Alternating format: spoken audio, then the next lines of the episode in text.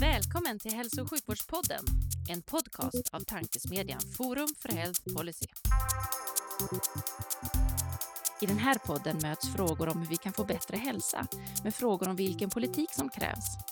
Det kommer bli samtal om personcentrering, ledarskap, digitalisering, organisation, politik och mycket mer.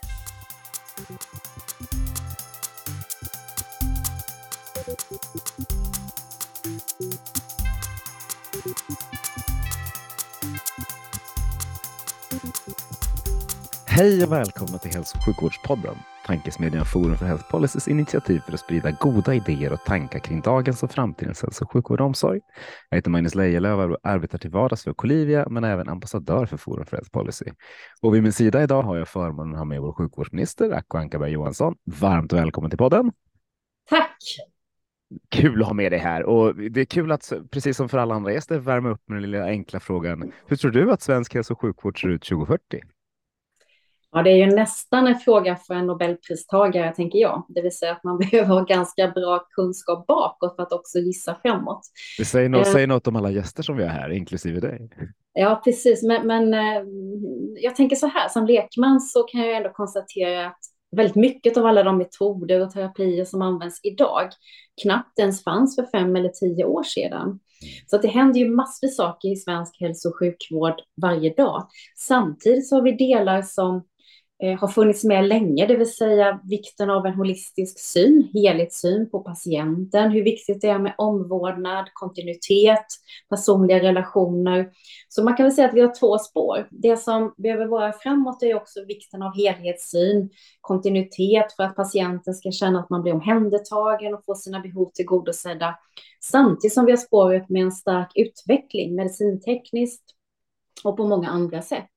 Så det jag kanske skulle ändå vilja se framöver, så det är mer förhoppningar än att jag är säker på det, men det är att vi på riktigt har en bred primärvård där man just möjliggör kontinuitet, helhetssyn och att hur den sekundärvården ser ut, sjukhus och andra delar, det kommer nog förändras ganska mycket beroende på hur terapier förändras, hur processerna blir för patienterna, hur mycket man kan göra med hemmonitorering, kombinationer av allt det där.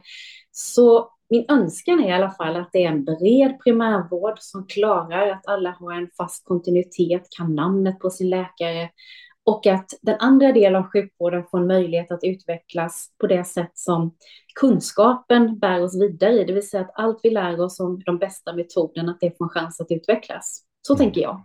Det låter, det låter rimligt och nära vården pratas ju väldigt mycket om och alla förstår att det behöver göras, men det är inte helt lätt att göra det. Vad, vad tror du är nycklarna för att vi ska nå fram på, på området på, på, inom den goda nära vården i Sverige? Jag tror att vi behöver ta ett fastare grepp, för vi politiker har ju sagt det väldigt länge att vi vill det här och så har vi inte lyckats med det. Så jag förstår verkligen alla medarbetare som är lite besvikna och tycker att det där har vi hört förr, men det har ju inte hänt något. Men nu finns det en bred politisk enighet. Ehm, det finns statligt stöd, både i form av pengar som är permanenta, men det finns också en upparbetad kompetens nu vill jag säga från de senaste tre åren där man har fyllt på med kunskap om hur man utvecklar en god nära vård.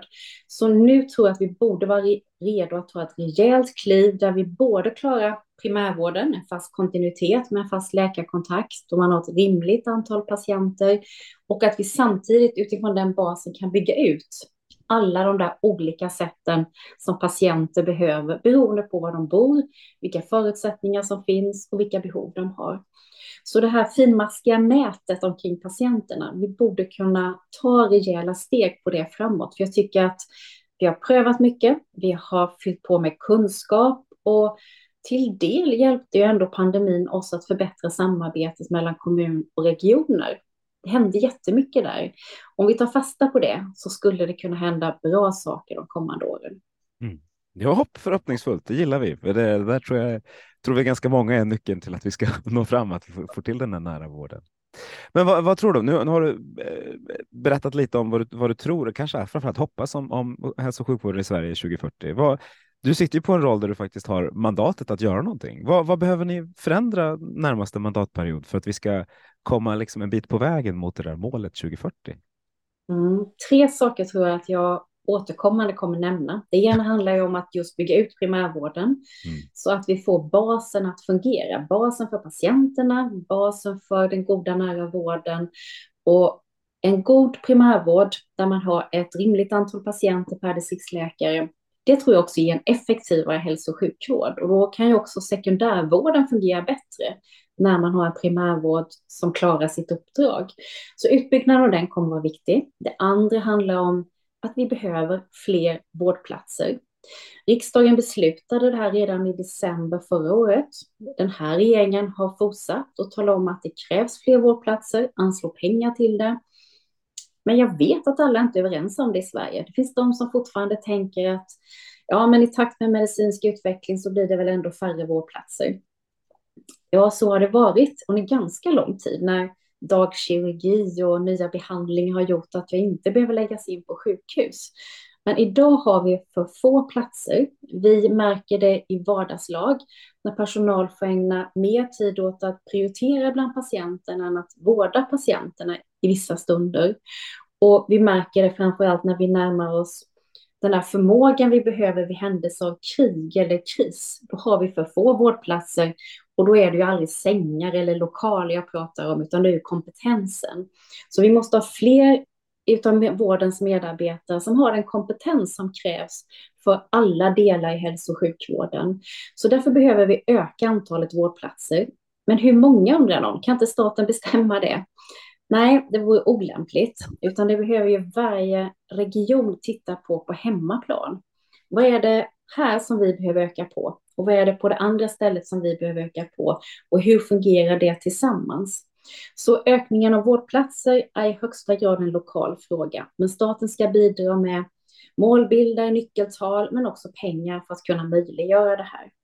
Och den tredje delen är just att staten i vissa situationer tar ett fastare grepp, att vi använder nationell styrning när det ger bättre förutsättningar för en jämlik vård till hela befolkningen.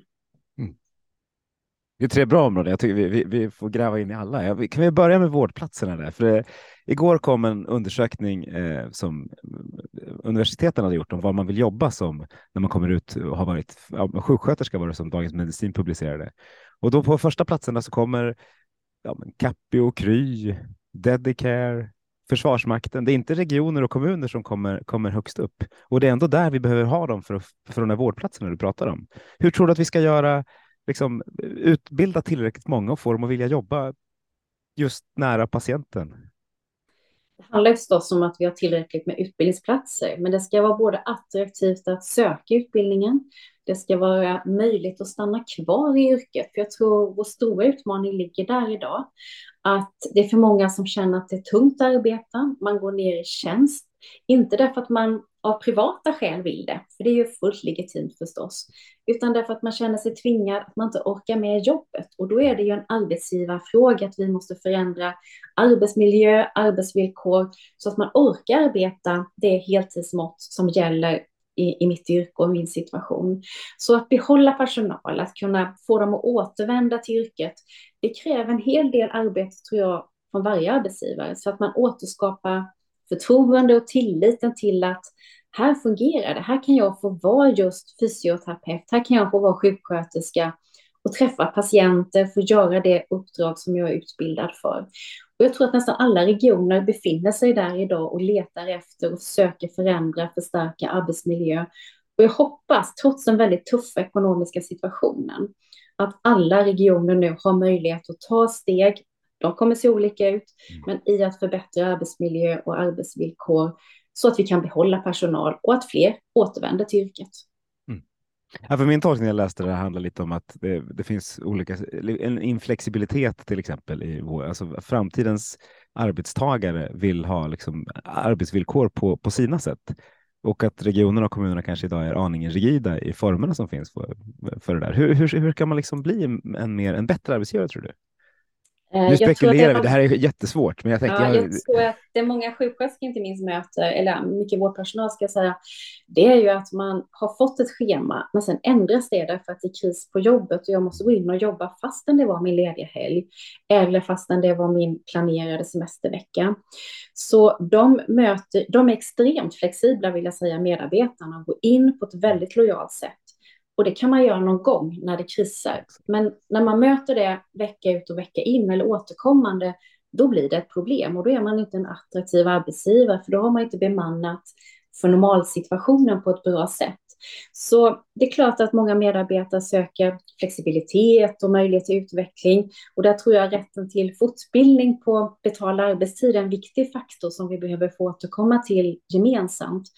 Men arbetsgivaren måste säkra upp att man har en grundbemanning så att jag kan göra mitt yrke, vet att jag kan lita på de arbetstider, de arbetsvillkor jag har och inte bli inkallad när jag ska ha min lediga helg. Det tror jag är ett av de vanliga problemen idag för många medarbetare i vården. Är bra. Jag kan grotta ner Jag älskar den här frågan. Det finns så mycket spännande. Det är så svårt också. Men det, det är väl det som är utmaningen med, med, med det, den liksom vårdvärld vi lever Det ska vara lite svårt också. Ja, och den, den lämpas ju inte för massa statliga riktlinjer för hur man ska förbättra det där. Däremot bistår vi med mycket av tillsyn som Arbetsmiljöverket gör idag. IVO gör det också på sitt sätt utifrån sina delar. Så det är någonting som ger ett stöd till varje arbetsgivare i vad man kan förbättra.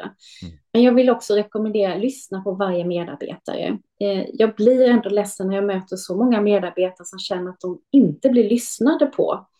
Och det kan ju också handla om att vi ibland har för få chefer. Det låter kanske lite oväntat. Men Nej, ibland inte, cheferna, inte det minsta skulle jag säga. Nej, men just det där att ibland har cheferna alldeles för många medarbetare att ta ansvar för. Och då blir ju möjligheten att just lyssna in och faktiskt åstadkomma en förändring inte alltid optimal och kanske inte heller att chefen har det mandat man behöver i sitt arbete. Så att hitta den rätta balansen här, det behöver ju varje arbetsgivare titta på. Och som sagt, hur man gör det, det måste ju vara ett lokalt arbete. Men att man fokuserar på arbetsmiljön, det kommer vara avgörande för om vi ska kunna vända utvecklingen, på fler som vill stanna kvar i yrket, fler som söker sig till yrket och att vi ska kunna just utveckla den vård som människor behöver. För idag får inte människor vård i tid. Vi har jättelånga köer och det beror ju på brist på kompetens. Mm. Absolut, på, alla sätt och vis. En annan sak som eh, där jag gissar på att svaret kommer att bli att man ska lösa det regionalt och kommunalt eh, eller framförallt regionalt handlar om primärvården om man ska bygga ut primärvården. Men hur tänker du att ni liksom från er sida kan stödja det? Eller hur, vad, vad, vad, vad är era planer kring det? Rent konkret. Ja, det, vi bidrar ju verkligen med pengar. Det gör 3 miljarder årligen till att bygga ut permanenta pengar till att bygga ut den goda nära vården. Och just nu så pågår arbete och samtal med eh, Sveriges kommuner och regioner i på vilket sätt eh, vi samarbetar i en överenskommelse eller avtal. Men jag tror att det är viktigt att varje region gör sin plan för hur man ska nå målet om 1100 patienter ungefär per medarbetare, per distriktsläkare. För det är ju det mål som Socialstyrelsen har lyft fram som ett inriktningsmål. Och sen kommer det förstås skifta beroende på hur, vilken vårdtyngd patienter har, men det är ändå ett riktmärke. Och dit kommer man ju inte på en gång. Men jag vill att varje region gör sin plan. Jag ser flera nu som just har gjort den där har stakat ut vägen framåt. Och när vi kan se den i ett nationellt perspektiv, då vet vi också hur staten kan gå in och stödja. Eh, och jag tror att vi behöver se att staten på ett mer påtagligt sätt stödjer utvecklingen eh, framåt så att vi faktiskt får en primärvård som kan leva upp till det uppdrag man har. Absolut. Men, och I den här podden har vi diskuterat väldigt mycket statlig styrning, regional styrning, kommunal självstyre och statlig samverkan eller samverkan mellan olika. Och många kunniga personer har väldigt olika bilder av det där. Det känns liksom som det finns ingen riktig silver bullet som ska, ska lösa allting. Men det ni har gått till val på handlar mycket om att faktiskt öka den statliga, statliga styrningen. Det var ett svårt ord märkte jag en fredag som denna. Hur, eh, hur, hur tänker ni göra det? Och vad är, vad är det ni vill öka och vad vill ni inte öka? Det är inte en förändring som kommer lösa alla problem i sjukvården, det vill jag säga. Och det har vi nog aldrig påstått heller. Det, det, det, det sa inte jag heller, så att ni inte Nej, jag vet, tror att jag men, försöker. det, är också viktigt att säga det, därför att ibland när man pratar om strukturförändringar och organisationsförändringar så kan ju båda sidor så att säga, i frågan, både de som är för och de som är emot, göra det till precis det du säger till en silver bullet, liksom det här är lösningen för allt. Och det är det ju inte. Men eh, mitt parti har länge drivit frågan om att vi måste se över styrningen av hälso och sjukvården för att ge den bättre förutsättningar framåt. Det som faktiskt var en god lösning i mitten på 1800-talet är inte, tycker vi, då den optimala lösningen idag med 21 självstyrande regioner. Men det som regeringen har samlats kring och som vi har stöd för i riksdagen är att göra en utredning om att vi helt eller delvis ska ha ett statligt huvudansvar för vården. Och det arbetet kommer ju börja i vår och jag ser verkligen framför mig att eftersom det finns en bred politisk enighet om en nationell styrning, så att när man hittar delar som kanske kan bli statligt ansvar, att man då stegvis gör förändringar. Och kanske det är så att eh, vilket slutresultat det blir av utredningen, det vet jag ju inte och det kan jag inte heller uttala mig om, för det bär ju utredningen själv så småningom. Men just att kunna göra stegvis förändringar tror jag kan vara en nyckel till att göra kloka förändringar i Sverige. Att upptäcker vi ett område som behöver mer statlig styrning eller på ett sätt där staten mycket bättre ska gå in och styra än 21 olika delar, då bör vi kunna ta det steget tidigare än vi tar andra steg. Så stegvis förändringar tror jag är en bra metod för att hitta en bättre struktur framåt. Mm. Det låter, låter som en bra metod. Ett område som, där alla är ganska eniga om att det behövs lite mer statlig styrning handlar om digitaliseringen. Eh, alla är säkert inte eniga, men det är många som pratar om att, att det liksom, ja, men här behöver vi ta ett samlat grepp och vi behöver göra någonting. Men när man tittar på kartan över, eh, över vilka som jobbar inom om, området så är det väldigt många. Det är ingen som riktigt får den där ledartröjan för det är så många myndigheter och så många liksom, delar av regioner som, som vill vara med. Hur, hur ser du på hur ska vi bli världsbäst på att tillvarata digitaliseringens möjligheter med lite statlig styrning? Ehm, vi behöver inte bli världsbäst, men vi ska använda digitaliseringen så bra som det behövs för patienterna och vårdens skull. Och där har ju staten en nyckelroll. Ehm, redan i maj 2019 beslutade riksdagen enigt, alla partier, att staten ska bestämma standards och tekniska specifikationer och sådant för all digital vårdinformation. Mm. Och det innebär ju inte att man ska ha samma journalsystem i Sverige eller så, men att man bestämmer just de där, man bestämmer hur rälsen ska se ut i praktiken för den information som ska skickas mellan olika vårdgivare och olika instanser. Och det där finns ju en full enighet om att det är typisk statlig uppgift. Tyvärr dröjde det lite grann innan det arbetet påbörjades, men i somras så gjorde den avgående regeringen väldigt goda insatser och tillsatte flera utredningar och uppdrag som nu pågår. Och jag hoppas att vi snart kommer fram till den där punkten då staten just kan bidra med hur rälsen, hur standard ska se ut. För jag tror att det är viktigt att staten gör den delen. Och sen måste vi se till att man prövar olika varianter, det vill säga att det som vi kallar marknaden, att man prövar olika lösningar, att den får ett utrymme att utvecklas. Mm. För bestämmer man för mycket att det ska vara lika också i val av produkt eller system, då kommer vi hämma utvecklingen. Så det vi behöver är istället någon slags akkreditering där man, ska man finnas med i vårdsystemet så måste man följa de här standards. Och sen ska vi möjliggöra utveckling av nya tjänster och produkter. Och när jag träffar patientföreningar så har de ju många exempel på goda hjälpmedel som är bra för deras patientgrupper. Men de är ju inte dockade till systemet, vilket gör att det blir ett glapp mellan patient och vårdens medarbetare. Och kanske att det kan vara så att när staten tar fram de här standards, att vi kan underlätta det så att när patienten hittar bra digitala lösningar, digitala appar som hjälper till i att hantera sjukdomen, monitorera mitt eget mående, så kan också vårdens medarbetare ta del av det. Så mycket har hänt det senaste halvåret vill jag säga och nu hoppas jag att det går med god fart framåt.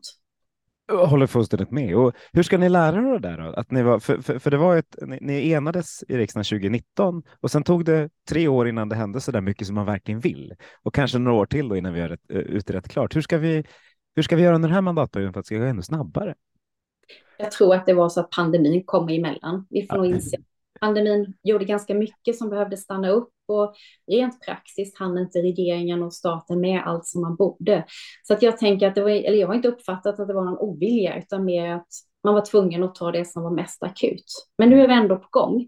Eh, och jag tänker att det handlar också om att se uppgiftsfördelningen. Det här var en tydlig statlig uppgift. Eh, och då behöver staten kliva in och ta den och ta ansvar för den delen. Det var ändå lite nytt när vi gjorde det då, våren 2019. Men när tiden har gått så har ju också riksdagen gett det ena tillkännagivandet, alltså uttalande till regeringen efter det andra om att här är ett område där vi vill se mer nationell eller statlig styrning. Så utvecklingen har gått mot mer nationell och statlig styrning och nu gäller att vi använder det på ett ändamålsenligt sätt. Absolut. Och ja, pandemin, det kan man faktiskt skylla på. Men jag kände, det var nog mer en frustration att det ibland går lite långsamt som jag tänkte. Hur kan man, hur kan man göra saker ännu snabbare? Sen förstår jag att det finns en liksom, vikt att man tar saker i den takt man behöver göra också. Men en sak som vi verkligen vill ska gå snabbt, eh, många av oss som står och tittar på systemet handlar om upptag av innovationer. N någon slags strukturerat och bra, men att vi ändå vågar testa och, och, vågar skala upp saker i Sverige. Och min bild när, man, när jag pratat med många gäster här är att vi har en rätt bra innovationsgrogrund eh, i Sverige. Det är bra upptag av mycket innovationer, men att vi är ganska dåliga på att skala upp dem. Hur är, hur är din bild av innovationsupptaget i Sverige? Jag har liknande bilder från människor som är aktiva som du har gjort. Eh, och jag tänker att till del handlar det om att vi är fragmentiserade i 21 regioner. Coronakommissionen var ju tydlig i det att det var en av bristerna i pandemin, att vi var så fragmentiserade, att vi inte hade en sammanhållen stat som också kunde gå in och leda. Mm. Och kanske att det är samma sak inom det här området. Det kan finnas tydliga uppgifter där också staten, jag tänker att life science-strategin är ju ett paraply som vi arbetar med. Eh, att vi utifrån den vi har gjort massa bra saker vill jag säga där de senaste åren, men nu behöver vi ta fler steg framåt och kanske mer konkreta steg där också staten spelar en tydligare roll. Och där behöver vi ju lyssna noga på vad är det man behöver för att kunna skala upp och göra det bättre. Men låt mig ta ett exempel. GMS, eh, Genomic Medicine Sweden, som är en viktig aktör och har utvecklat jättebra saker till gagn för patienter med många olika sjukdomar. Men det är egentligen ett, vad ska jag säga, ett eh, ideellt initiativ som har fått stöd från statliga myndigheter på lite olika sätt. Men det är ju inte staten som driver det. Och det är klart att jag vet ju med de som är aktiva där att de vill också se ett fastare statligt stöd. Det vill jag också i någon form. Men vi måste ju se till så att inte det är ett stöd som hämmar utvecklingen. För när man inrangerar någonting i staten så blir det ju med automatik lite fyrkantigt, lite trögare, därför att det är så staten ska fungera för att säkra demokrati och parlamentarism och så vidare. Så hittar vi en bra modell för alla de här viktiga utvecklingssakerna samtidigt som staten kan ge stöd utan att eh, göra det trögstyrt och utan att för, för liksom förändra arbetet på ett sätt som skulle vara negativt. Mm. Så här grundar jag ganska mycket och vill gärna under våren få samtala mer med alla aktiva om hur kan staten på ett mer effektivt sätt bidra och ge stöd och eh, vad ska jag säga långsiktigt stöd, men utan att komma in på ett sätt som man gör det trögrörligt, för det tror jag inte skulle gagna något. Där kanske du har den där silverkulan och kan lösa lite fler saker, för den där är, det är ett bra initiativ, ett bra exempel, men det är också något vi vill se på fler ställen, tänker jag.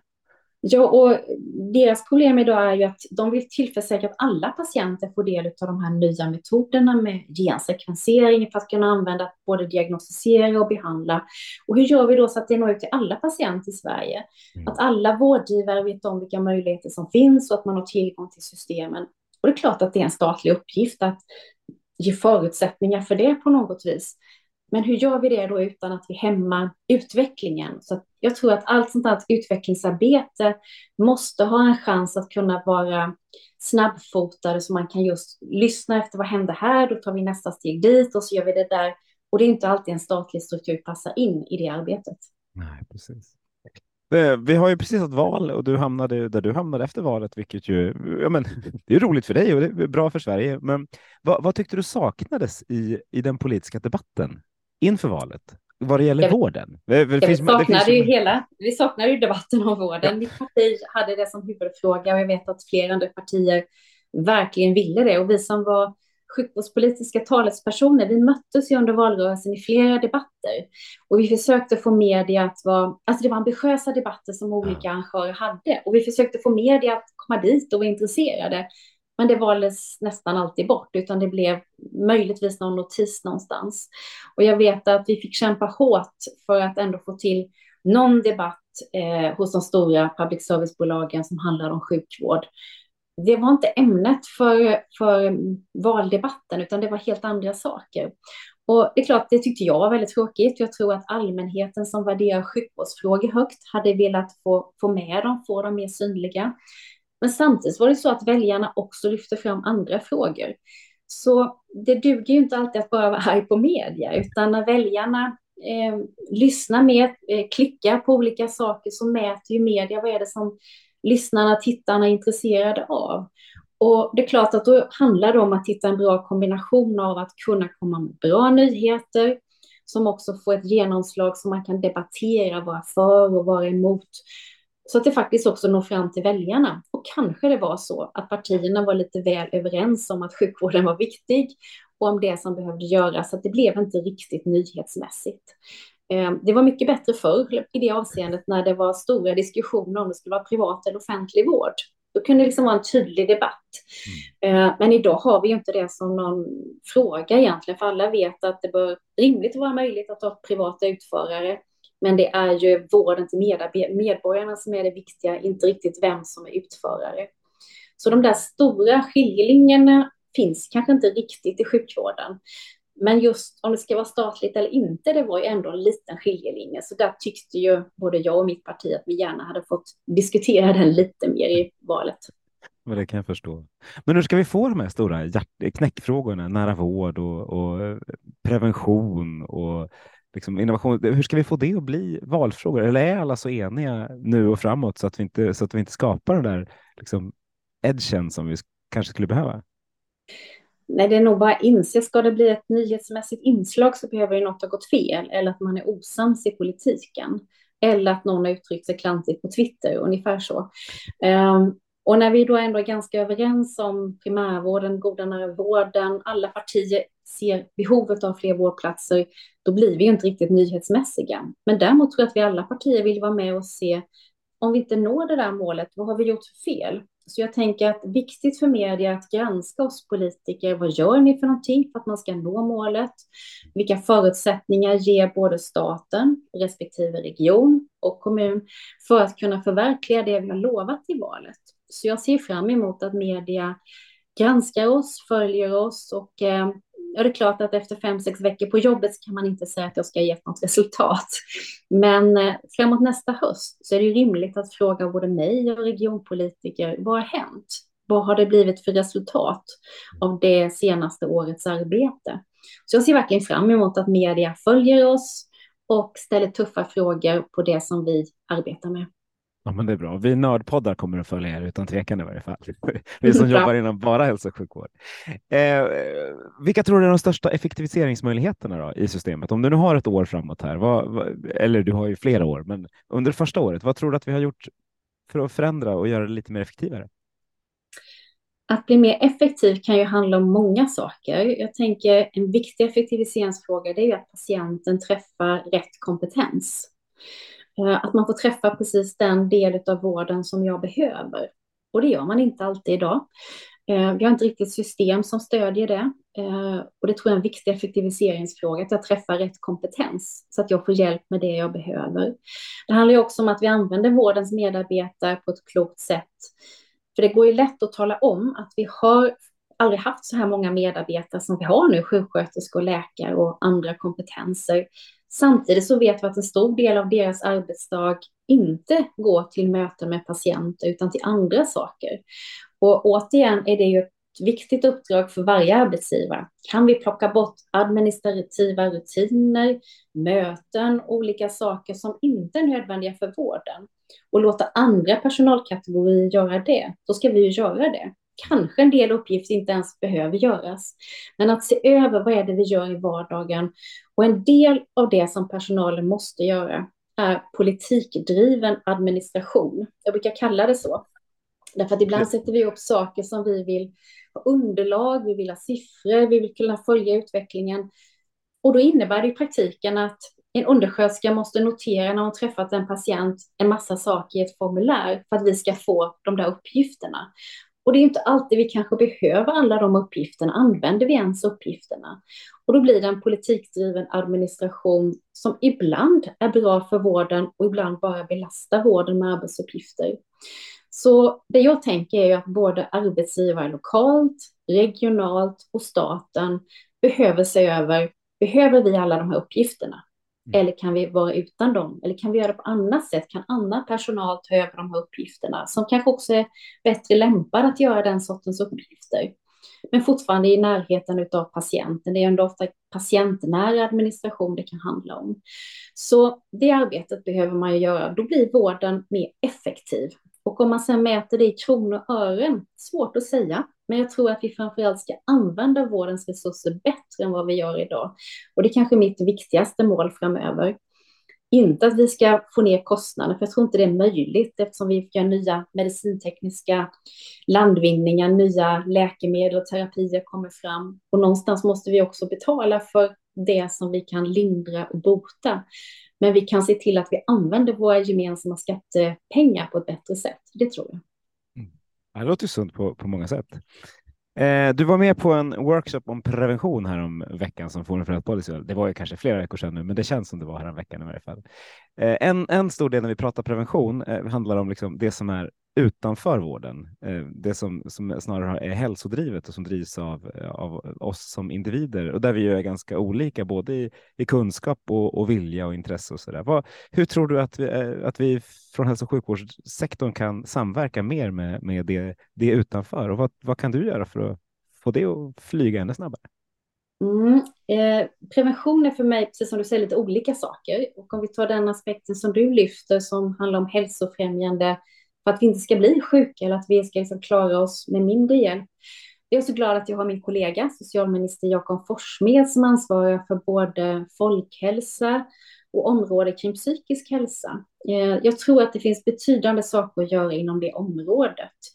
Och det är så spännande att det kan handla både om att minska risken för ensamhet, alltså en ensamhet som inte är önskad, till att vi kan få bra rutiner att kunna röra oss i vardagen, så att jag får en bättre kondition och kanske mår lite bättre med hjälp av det.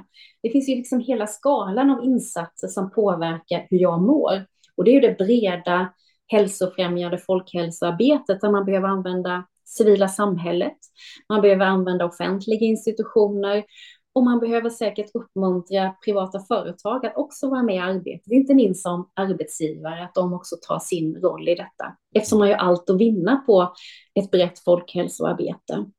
Men det som ligger lite extra hos mig för sjukvårdens del handlar ju om det som är prevention och rehabilitering också för den som har en kronisk sjukdom eller är sjuk för en längre tid. Och det är en jätteviktig fråga för mig, att vi ser vikten av prevention och rehabilitering också för den som har en livslång sjukdom eller en kronisk sjukdom. Ibland tappar vi bort det där och tänker att ja, men jag har den här sjukdomen, då får jag leva med att det blir lite si och så, jag får fler krämpor och fler besvär. Men det behöver inte vara så. Man kan med god rehabilitering, gott preventionsarbete uppnå en god hälsa även med min sjukdom. Och det känner jag är ett område som jag gärna vill fokusera framåt. Och jag är återigen glad över ett tillkännagivande från riksdagen som handlar om nationella riktlinjer för rehabilitering, habilitering Eh, och det är ett uppdrag som den förra regeringen också har gett till eh, Socialstyrelsen att ta fram underlag för hur det här skulle kunna göras. Och fram i vår får vi se resultatet av det. Och när jag får del av det, då ska jag återkomma till hur vi kan stärka de här delarna i eh, hälso och sjukvården. För jag tror att det är jätteviktigt att vi gör det. Inte bara för att det faktiskt ger en bättre ekonomi på lång sikt, utan för att människor mår bättre helt enkelt. Men grymt, så 2023 blir sekundärpreventionens år. Mm, ja. Hoppas det.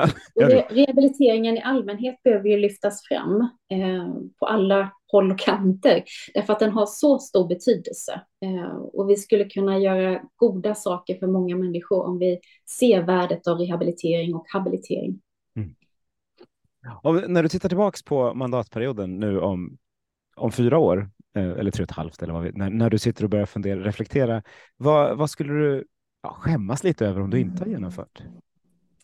Jag vill att det blir fler vårdplatser, för jag tror att det enda sättet att få en bättre grundsituation i hälso och sjukvården, att vi har fler vårdplatser. Och jag vill verkligen att primärvården har fler medarbetare så att de har ett rimligt antal patienter som de har ansvar för. Vi måste ha tagit de där stegen som regionerna nu pekar ut i sina planer. Mm. Och att regioner och stat hjälps åt och ser till att det där kan förverkligas. Och förstås att vi använder nationell styrning där det är ändamålsenligt. Och så är rehabilitering en hjärtefråga för mig, så att den kommer också finnas med framöver. Ah, så det var de, de, de tre som vi skulle återkomma till plus rehabiliteringen, men det är bra, ja. nu blev det fyra. du, när du kom in i det här eh, digitala rummet eh, för att prata med mig, var det något du tycker att jag inte har lyft som du hade velat prata om? Inte vad jag kommer på, men det var ju för att du hade skickat över frågorna i förväg. Eh, det hade jag ju och sen så la jag till några för att jag kan inte hålla mig. Det, jag håller Ja, mig med. vet, så ska det ju bli ett samtal, att man vet ungefär vad man har tänkt prata om i en podd och sen får samtalet ge lite mer eller mindre beroende på hur samtalet går. Så jag tänkte att det blev ungefär som jag hade tänkt mig. Ja, Ett vad- gott samtal. Ja, men vad trevligt att höra. Och Glada samtal och goda samtal en fredag är ju det bästa som finns. Men du Ako, då tackar jag varmast för att du var med i Hälso och sjukvårdspodden. Tack Magnus. Eh, och tack alla ni som har lyssnat. Nu går vi ut och förändrar svensk hälso och sjukvård till det bättre.